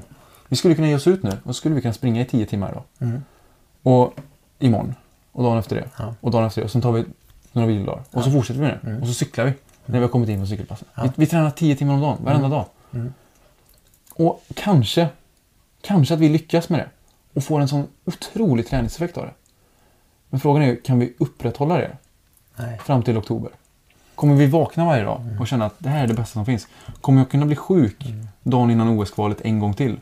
Ja. Och känna att det här året spenderar jag på ett vettigt sätt? Ja. Det är så himla klokt. Det är precis, ja, det, det är rätt lyssna då på detta, alla de som planerar sin träning. Det är helt rätt. Jag, jag tycker det, eh, det. Jag skrev det i min bok då, Löparglädje. Ett av råden då, för det första, träning ska vara så rolig som möjligt. För ju mer, roligare det är att träna, desto mer kommer jag att träna, desto längre kan jag hålla på i tid. Mm. Alltså inte bara på dagen utan också månad efter månad och träna tillräckligt kort och tillräckligt långsamt för du ska längta till att få träna imorgon också. Och då tror, det, det, det var dumt att jag skrev det på sätt och vis för det är så lätt att det missuppfattas. Att jag bara menar att man ska träna kort hela tiden. Eller, och långsamt, nej. Under en uppbyggnad, under väs- perioden du toppar dig då, då kan det tillräckligt kort och långsamt vara eh, väldigt intensivt alltså. Du kan gå in i duschen med mjölksyra. Men du ska vilja göra det imorgon också. Och det kan du bara göra under, kanske under en viss period. Men det är roligt under den perioden för att du inte gjort det på ett tag. Det är verkligen så det är. Och när jag gick in i min mer högintensiva fas, Mm. hade ju 16 månader av att aldrig få ta ut mig till max. Mm. Jag har gjort det kanske en eller två eller tre Ja. gånger på 16 månader. Som konditionsidrottare har jag aldrig fått göra mitt bästa när det kom till höga pulszoner. Nej. Och när man går in i den perioden och det är dags att bara smacka. Då Underbart. finns det motivation till det. Ja, Det var ju som jag gjorde. Jag, jag till, när jag var ju också 24 år, lika gammal som du. När jag gick från att ha bara sprungit långt och lugnt och länge, fem minuters tempo. Och så kom jag till USA då, till det här universitetet och tränade med universitetslaget i terränglöpning. Och vi började köra stenhårda fartlekspass. va. Och eh, det som nu kallas progressiv distans när vi springer ut lugnt och sen så ökar tempot så blir det total tjurrusning mot slutet. Eh, det hade jag ju inte gjort förut. Och för, för mig var det ju en extatisk rolig upplevelse. Men eh, och, och jag, kroppen ju åt sig den träningen som en svamp suger åt sig vatten. Va? Och det var ju för att, väldigt mycket för att det var så himla roligt att få göra detta. Och det är precis det här som man hamnar då. Och framförallt tror jag som, som motionär så är det hela tiden det du ska söka. Du behöver inte söka fys- optimal fysisk och teknisk utveckling. Däremot så behöver du söka någonting som får dig att vilja träna imorgon också. Ja. Eh, och Så balansen behöver inte vara densamma som motionär som elit. Men jag tror att som elit så tappar man ofta bort sig i vad är mest optimalt. Och sen går man in i perioder av motivationsbrist. Och det betyder inte att du kanske hoppar över träningspass. Men det kanske betyder att du inte utför alla träningspass på toppen av din förmåga. För att, och du säger, ja men hur kan du utföra ett eh, konditionspass på toppen av din förmåga? Ja, du kan springa fyra timmar i en låg pulszon, så att säga. Eh, och så kan du gå in, klappa dig själv på axeln och säga att det var ett bra pass. Och det ska du göra, för det var ett bra pass. Men du kan också gå in, klappa själv på axeln och säga, okej, imorgon, imorgon ska jag se till att inte springa så här kort. För imorgon är det fyra och en halv timme. Ja. Och den dagen du inte vill just ställa dig själv den frågan, Ja. för att det inte är tillräckligt kul längre. För att du inte har tagit hand om din motivation. För att du inte har belönat dig själv för, för dina fantastiska prestationer som du gör dagligen. För att du mentalt bryter ner dig själv på träningspass istället för att bygga upp dig själv mentalt. Då har du misslyckats. Då gör du inte längre ditt bästa. Så att göra sitt bästa, det handlar inte om att varje dag eh, liksom vara eh, den idolbilden av Gunde Svan. Nej. Utan det handlar om att varje dag agera på sånt sätt att man också vill agera på sånt sätt imorgon. Och, ehm, Du har ju hittat någonting där. för mig har det funkat väldigt bra. Ja, precis. För mig har det funkat väldigt bra. Jag tror att det fungerar bra för många fler än du. Just när- för de allra flesta. Där. Eh, Jag jobbar ju som badplatsvärd där borta på badplatsen här vid Öresjö i somras. Du kommer ihåg, du kom ju var det springande ut till mig eller vad?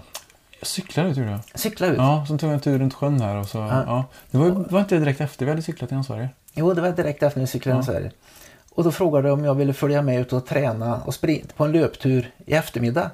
När jag har slutat jobbet. Men jag slutar ju inte förrän klockan 20 då. Så att, Ja, just det. Så var det. Så att det, det var ju lite så. Men eh, först hade du varit och cyklat hur länge som helst. Du hade cyklat nästan hela dagen. Och sen vill du ut och springa igen på kvällen. Eh, det låter som en väldigt, väldigt omfattande grundträningsperiod skulle jag vilja påstå. Ja, det var det. Det var det. Men det är också så här att...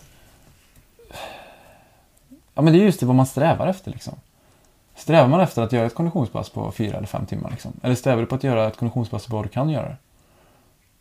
Eh, Och det är ju liksom... För mig har det varit väldigt viktigt att börja erkänna att okej, jag är inte en maskin. Jag har en bristningsgräns och den har jag mött flera gånger. Även fast man kanske inte vill erkänna det som konditionsidrottare. Och kanske framförallt inte som jägarsoldat. Så finns den där. Ja. Och, och, och det finns en uppgift som du inte kan ta dig an. Som kommer vara övermäktig.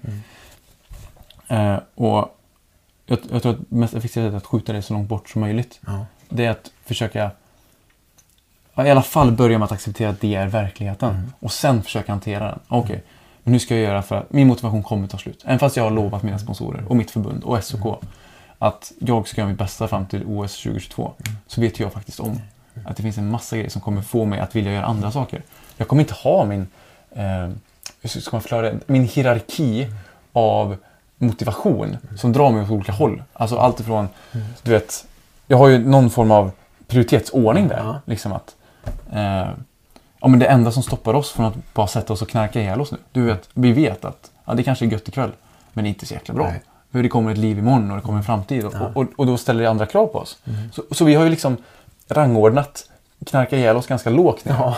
Och ge oss ut på en löptur efter vi spelar in den här podden lite högre upp. Och, och så orienterar vi oss efter det. Ja. Och det är precis så som idrottare. Att ja, någonstans har du ju den här hierarkin av vad du vill göra. Ja. Ja, men du kanske vill... Eh, jag vill hoppa fallskärm, jag vill åka snowboard, jag vill hoppa på stora hopp med min snowboard och göra tricks. Ja. Ja, men det är väl någonting som jag kanske kompenserar lite grann med för att jag tycker att det är viktigare att jag på lång sikt lyckas som skridskoåkare. Jag är inte villig att ta alla riskerna att bryta benet. Men jag åker ändå lite snowboard. För lite av den risken tycker jag att det är värt. Och, och det där måste man ju liksom va, förstå att den prioritetsordningen av, eller hierarkin av motivation, den finns där. Och jag måste påminna mig själv om vad som är viktigt. Annars, annars tappar man ju spåret liksom. Du pratar som en eh, idrottspsykolog. Du borde ju föreläsa på eh, Idrottshögskolan och åka runt i världen och föreläsa om... Du kommer säkert att få frågor att folk vill att du ska föreläsa om träning för att du har ju väldigt mycket vettiga åsikter. Eh, Du pratar om hoppa fallskärm. Det är ju en passion du har. Absolut. Hur många hopp har du gjort nu? Strax under tusen har jag hört. Okej, Så jag tror det är 950 cirka. okej. Och du gör snart ditt tusende hopp skulle jag vilja påstå. När drar säsongen igång? I tror- Sverige? I Sverige drar det igång i april vanligen. Eh, Jag kommer nog börja hoppa i kanske maj eller något sånt där. Okej. Och du tycker att det går bra att kombinera med vanlig träning? Ja, Oerhört bra. Alltså det är fascinerande. Skridsko är världens absolut särklassigt mest totalt horisontella idrott. Den är så horisontell så det går inte att hitta något horisontellare. Och fallskärmshoppning är världens särklassigt mest vertikala idrott. Du är ju Nils 90 grader van der Poel. Eh, men det är fascinerande. Och eh, tävlar du i fallskärmshoppning också? Jag har gjort någon plojtävling sådär men eh, vi har ju faktiskt ambitionen att ställa upp på Svenska mästerskapen i sommar i ett eh, wingsuit-lag. Det ser jag fram emot. En wingsuit är alltså sån där, du ser ut som en, en sån där flygande ekorre där. Ja, precis. Eh, Med simhud mellan armar och ben eller på att säga. Och glider omkring. Det är väldigt roligt. Vi har ett lag som heter, eh, vi är tre killar, Mm. som har eh, köpt wingsuits med katter på som skjuter laser med tassarna. Aha. Och så heter vi Pussy Power. Ja. ja, det var inte dåligt. Nej, men kul. Eh, Jag tror att fallskärmshoppningen är väldigt viktig för din satsning som skridskoåkare. För skulle du berövas den för att bli en bättre skridskoåkare, då tror jag inte du skulle bli en bättre skridskoåkare. Har jag rätt eller har jag fel? Ja, jag har definitivt rätt. Det var ju hösten 2015 när jag bestämde mig för att antingen bli soldat och, och välja det, det spåret helt och hållet. Eller eh, hoppa fallskärm och åka skridskor. Och då vann hoppa fallskärm och åka skridskor. Men det var på just den premissen hoppa fallskärm och åka skridskor. Inte att åka skridskor. Nej. Det är väldigt viktigt med det. Och sponsorer nämnde du förut. Jag förstår, alltså jag beundrar ju Nolato i Trollhättan. Som det står ju Nol- Nolato står det ju på din tävlingsdräkt där. Jajamän. Och det vet jag ju vad det är. Det är ju uppe på Hojum här i Trollhättan, en plastfabrik. Mm. Som gör plastgrejer till medicinindustrin skulle jag tro. Eller Ja, medicin, främst. Mm. sjukhus och sådana saker. Precis. Ko- Koppar och Ja, vet. medicinburkar och diverse. precis. Ja. Då kommer du alltså, hej, jag ska inte tävla på ett tag nu. Eh, kan ni sponsra mig? Och de säger ja. Vilken vinstlott de gjorde! Ja, jag, jag förstår inte hur det gick till på det styrelsemötet när de diskuterade det. Men det gjorde de och jag är oerhört tacksam för det. det ja, det krävs en del eh, mod för att göra det. Ja, Och det gjorde de. ja det är fantastiskt. Eh, den enorma, det mottagandet när du kom in, hem till Trollhättan i, i måndags med eh, dina två guldmedaljer.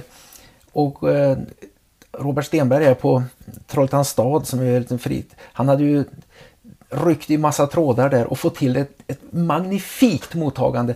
Tyvärr som eh, kommunstyrelsens ordförande sa kunde vi inte ha den på torget och hela stan där. Jag minns när Erik Karlsson på taket, rallyföraren, hade vunnit om det var Safari-rallyt eller Monte Carlo-rallyt eller någonting i sin Saab.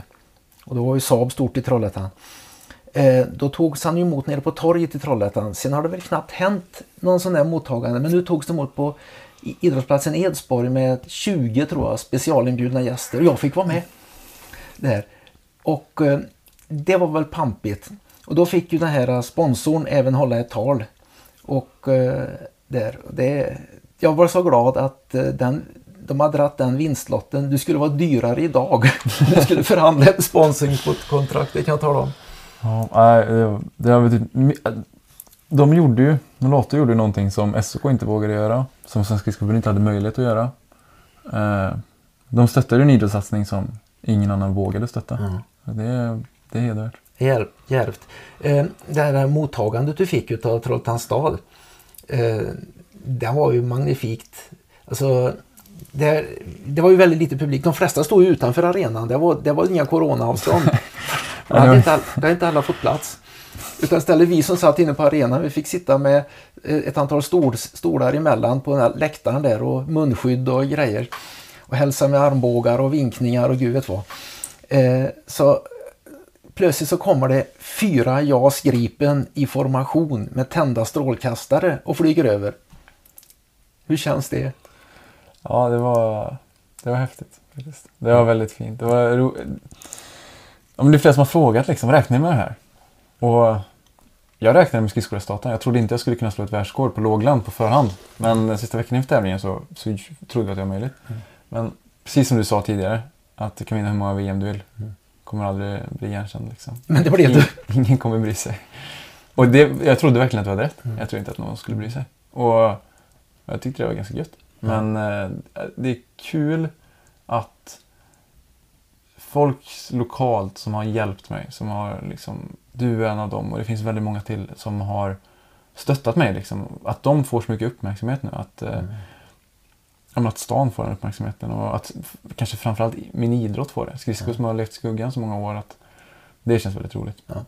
Du, det här, du fick ju träffa vad heter han, Bengt Olofsson, heter han? Mm. Den som liksom var klubbens drivande kraft genom många år. Och som har gjort så mycket för klubben, som har offrat så mycket av sitt liv, sin tid. Nu är han 88 år eller något va? Ja, precis. Han satt på en rullator där nere. Vilken grej alltså! För en som har lagt så mycket tid och kraft och offra, hade kunnat gjort så mycket annat än att bara försökt att få ungdomar att åka skridskor. Och så får han fram en Nils van der Poel. Va? Ja, det, är, det är det som är så roligt. Liksom, att, eh, jag har ju fått leva precis det livet jag ville leva. Ja. Och eh, ja, dör jag imorgon så har jag haft ett jäkligt bra liv. Alltså. Ja, måste- Men det är så kul att få ge tillbaka till de människorna som inte fick vara med Mm. när jag sprang till Karlsborg. Som inte fick vara med på randonnéturerna i Åre. Som inte var med när vi cyklade genom Sverige. Ja. Som inte fick alla de här upplevelserna. Att kunna ge dem det här liksom. Det känns väldigt kul. Ja, det gjorde du. Och Trollhättans stad som eh, har en bandyhall, Slättbergshallen. Där du har kunnat åka runt på i 50 kilometer i timmen på en fe- 250 meters bana. Med de snäva kurvor som blir då. Mm.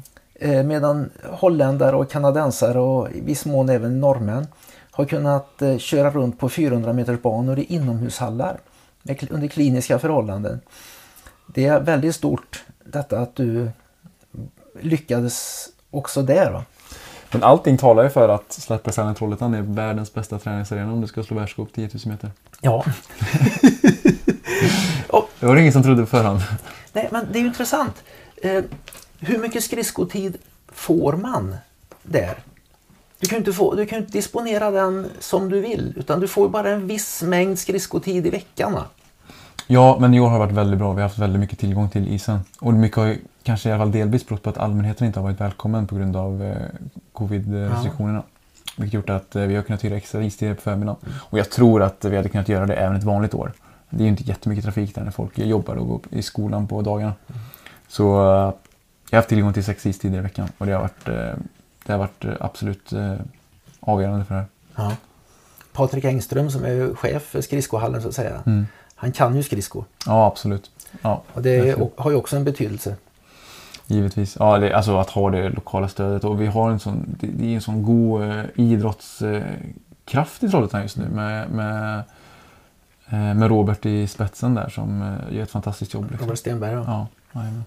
Ja, och det- ja, det, det, här här kan vi inte klaga. Fast kurvorna är snäva. Ja du Nils, eh, det här har ju varit fantastiskt. Då är frågan då hur känns det nu när livet måste, du måste uppleva i alla fall att livet har förändrats på något sätt nu. Det finns ett före och ett efter du åkte ner till Heerenveen.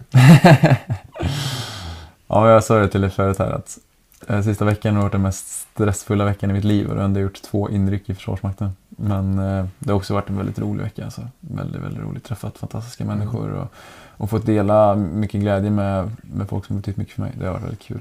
Sen, sen tänker väl jag att alltså, den här mediestormen tror jag lägger sig ganska snabbt. Ja, det kommer den väl förmodligen att göra. Eh, ända tills januari nä, nu nästa år. Då det ska röstas om bragdguld och Jerringpris och sånt. Och eh, jag skulle vilja påstå det att hade det varit en omröstning om Jerringpriset idag så hade det ju med stor sannolikhet eh, gått till dig. Det tror jag helt säkert. För den hypen som har varit kring dig, alla känner, alla, alla tycks det är ju, du, du åkte ju rakt in i hjärtat på folk på, av någon konstig anledning. Ja, konstig, konstig. Du gjorde nästan rakt in på sjukhuset. Snacka om hjärtat. Det blev någon slags error där, overload mentalt. Det har aldrig hänt förut. Eh, men eh, jag får hoppas att det kommer att gå bra för dig i alla fall i fortsättningen. Och att pressen på dig att nu kräver vi faktiskt att du ska eh, göra oss lyckliga. på, på, eh, eh, skridsko, på, i, skri, i skridskohallen där i Peking nu på OS som kommer. Du har ju gått från att ha ingen press på dig med, och nu att du ska plötsligt vara ett OS-hopp. Alltså det, Jag, jag tror att det är liksom, ja, jag vet inte. Vart ska man? Mm. Vi har ju funderat kring det här liksom. Och jag skrev ner vid årsskiftet så hade jag, jag hade en liten bok så jag skrev ner lite saker i. Liksom. Eh, och så utvärderade jag förra året rent eh, på ett personligt plan mer liksom, än på ett skridskomässigt plan. Och, och vad jag ville åstadkomma kommande år. Och det var ja, men lite olika grejer. Allt ifrån eh, eh, att jag saker jag vill lära mig eller böcker jag vill läsa eller sådär. Och på en sida var det tio saker som var viktiga för mig kommande året. Och en av de sakerna, det var bli min bästa skridskoåkare och njuta av det. Det var, allting som, det var det enda som berörde min skridskoåkning i den texten. Allt annat var helt eh, på andra områden i livet. det räcker ju egentligen. Ja, det räckte för mig. Och, och jag sa även det till Johan när vi eh, tävlade i eh, Insel här i höstas. Att jag skulle bara vilja slå ett världsrekord så kan vi vara klara med det. Så kan vi bara njuta av att vara med på de här tävlingarna. Då har vi gjort vårt avtryck i historien. Ja. Liksom. Då är det klart. Då kan vi bara njuta av att tävla mot världens bästa skridskoåkare och åka runt på de här tävlingarna. Så Johan, Dennis, jag tror inte att det funkar så. Jag tror att du slår ditt världsrekord och sen kommer alla förvänta sig att du slår det en gång till. Ja, Och nu får vi se vem som har rätt. ja. Eh, men jag tror att det, jag tror, och det kände jag också väldigt lugn för inför 10 000 meter. När jag tog upp den här boken och bad en slumpsord där. Bli min bästa skridskoåkare och njuta av det. Att jag har ju faktiskt skrivit ner att det är det här jag vill. Mm. Det handlar ju inte om att vinna ett Nej. eller att jag ska slå något rekord. Liksom. Det är ju faktiskt det här jag vill. Och jag tror att det är ännu viktigare att påminna sig själv om vad jag vill. När andra börjar lägga sig i, andra börjar ha åsikt, andra börjar förvänta sig saker. Att, ja men vad vill jag göra? Är det viktigt för mig att vinna ett OS-guld? Ja, på det stora hela så är inte det särskilt viktigt. Men det är viktigt för mig att göra mitt bästa. Mm. Och efter 10 000 loppet som var nu i alla fall, så kände vi liksom, innan de sista paren hade gått i mål, kände så att om det är så att någon slår mig här idag, så tycker jag att det är jäkligt coolt att få vara en del av den här tävlingen. Ja. För det här är världens bästa 10 000 tävling. Hur många får vara det? Ja. Och jag var så stolt över att vi, har, vi har verkligen försökt göra vårt bästa. Ja. Och dessutom lyckades vi leverera en väldigt bra prestation när det var dags. Mm. Och, och, och någonstans var det där jag kände att det här är mitt syfte. Det är det här jag vill göra. Mm. Och jag skrev till Fish efteråt och sa det. Han som hade Han som- rekordet ja. Han som the eat fish for dinner. Ja, exakt. Eat fish for dinner. Ja, jag, sk- jag smsade honom på tisdagen och, och sa det. Du, jag, jag kommer försöka slå ett världsrekord i helgen, bara så du vet. Dagen innan där. Ja, det är några veckan dagar. innan. Ja, veckan innan. Och, eh, så skrev jag lite till honom. Vi hade aldrig pratat med varandra tidigare. Så var, han, är lite, han är två år yngre än mig. Så när jag var, hade min paus, det var då han slog igenom. Liksom. Ja. Ehm, och jag ser jättemycket fram emot att träffa honom, verkar skittrevlig. Men då skrev jag det liksom. Bara, du, eh, don't skip leg day. För det här Don't rekordet. skip Don't skip leg day. lägg dig. Leg day. Ja, men det är ju på gymmet ofta snackar man ju leg day. Eller, Ja, ja, ja, ja. ja, överkropps eller Ja. vilken träningsgrupp, eller vilken eh, muskelgrupp du ska träna. eh, så säger jag, ah, don't skip leg day. We're breaking this record next year. Och det är precis det som idrotten handlar om. Att Ja. tillsammans bli så bra vi kan bli. Ja. Och det är det man vill vara en del av. Ja. Man vill inte, min mardröm, det är ju att vara Patrik Rust. Som fäller en tår över att man kommer tvåa. ja, det Och jag helt- fattar att han gör det. Jag förstår det verkligen. Och jag inte mindre respekt för honom för det. Men vilken sorg. Vilken livssorg att vara näst bäst i världen. ja. Och, sen, näst bäst i världen. och vara ett sånt misslyckande. Ja, herregud. Kan du föreställa dig det? Ja. Det, kan- jag, Tänk, jag, tänk dig att du är näst bäst i världen och är besviken. Mm.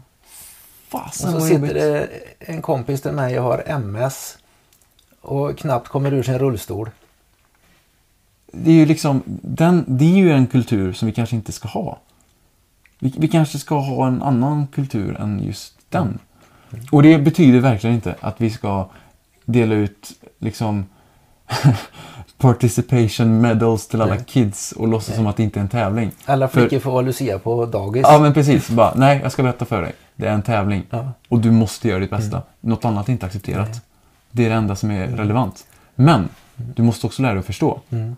att du kommer inte vinna varenda gång. Nej. Och att förlora, det är enda sättet att lära sig. Mm. Och att, att, liksom, att man försöker eh, intala bort något annat, det är ju bara bullshit. Ja. Liksom.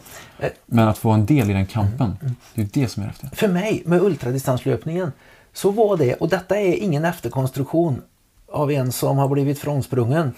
Eh, då, så var det hela tiden från mitten på 80-talet när jag började med ultra på allvar. Viktigare att sporten blev utvecklad och erkänd. För den var inte det förr. Ultradistanslöpning var inte erkänd. Än, det, var, det var till och med viktigare än mina egna resultat. Det var bara viktigt att göra så bra jag kunde. Att slå ett personbästa var viktigt. Va? Sånt. Och jag hade ju det vad man skulle kunna kalla för svenska rekordet. Friidrottsförbundet ville ju inte att jag fick säga svenskt rekord. Men det var ingen annan svensk som hade gjort något fort, snabbare 100 km lopp om vi säger det. Under kliniska omständigheter. Som krävs för att man ska kunna säga att det är rekord. Med kontrollmätt och mellantider och du vet allt detta. Eltidtagning var det till och med på 100 km. Jag har till jag har, jag har alltså ett papper från tävlingskontrollanten med min eltid på ett 100 km lopp. Banan var kontrollmätt dels med stålmåttband, ett 10 km slinga då, Ja. och som var elatonerat. Kolla vad det Alltså ett stål krymper och expanderar med värme. De hade Ja. tagit hänsyn till det.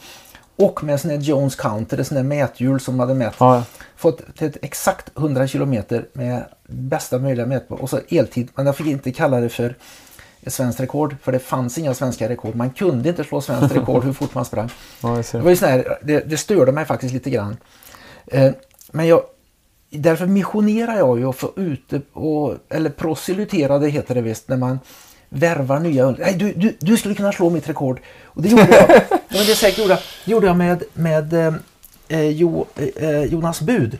Ja, du är en sån som skulle kunna slå mitt rekord. Så jag var på att tjata på honom. Jag, där, att, kom igen, du, prova att springa 100 kilometer. Och han gjorde det. Och till slut slog han mitt svenska rekord med, på 100 kilometer med en minut och 40 sekunder slog han första gången. Vilket är en sekund på kilometern. Så, så, så kommer folk fram och beklagar. Ja, hur, hur känns det? det vad, synd va? Vadå synd? Hade jag inte velat att det rekordet skulle bli slaget på grund av utveckling eh, så hade jag aldrig övertalat honom att springa. Då hade jag liksom eh, hade hållit borta från den här sporten. så satt jag i en paneldebatt där eh, och då var moderatorn på en sån här träningsresa, då, en stor grej med många med. Och så frågar moderatorn mig Rune, hur kändes det när Jonas Bud krossade ditt svenska rekord? Det fanns en sekund på kilometern krossat. Jag vet inte riktigt. Folk förväntar sig att man skulle liksom Det är mitt rekord, det är mitt rekord, jag ska ha det. Nej, det är inte värt något. När du väl har slagit det så ska det slås igen. Det ska utvecklas. Men helst av dig själv. Men kan du inte det så det, det kunde ju inte jag. Och då får någon annan göra det. Men jo, det är ju så här, det är precis så det är. Och det är ingen hemlighet att jag gärna hade stått på en olympisk prispall med guld runt halsen om ett år. Det hade ju varit asfett.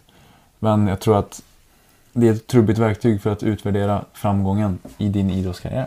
Mm.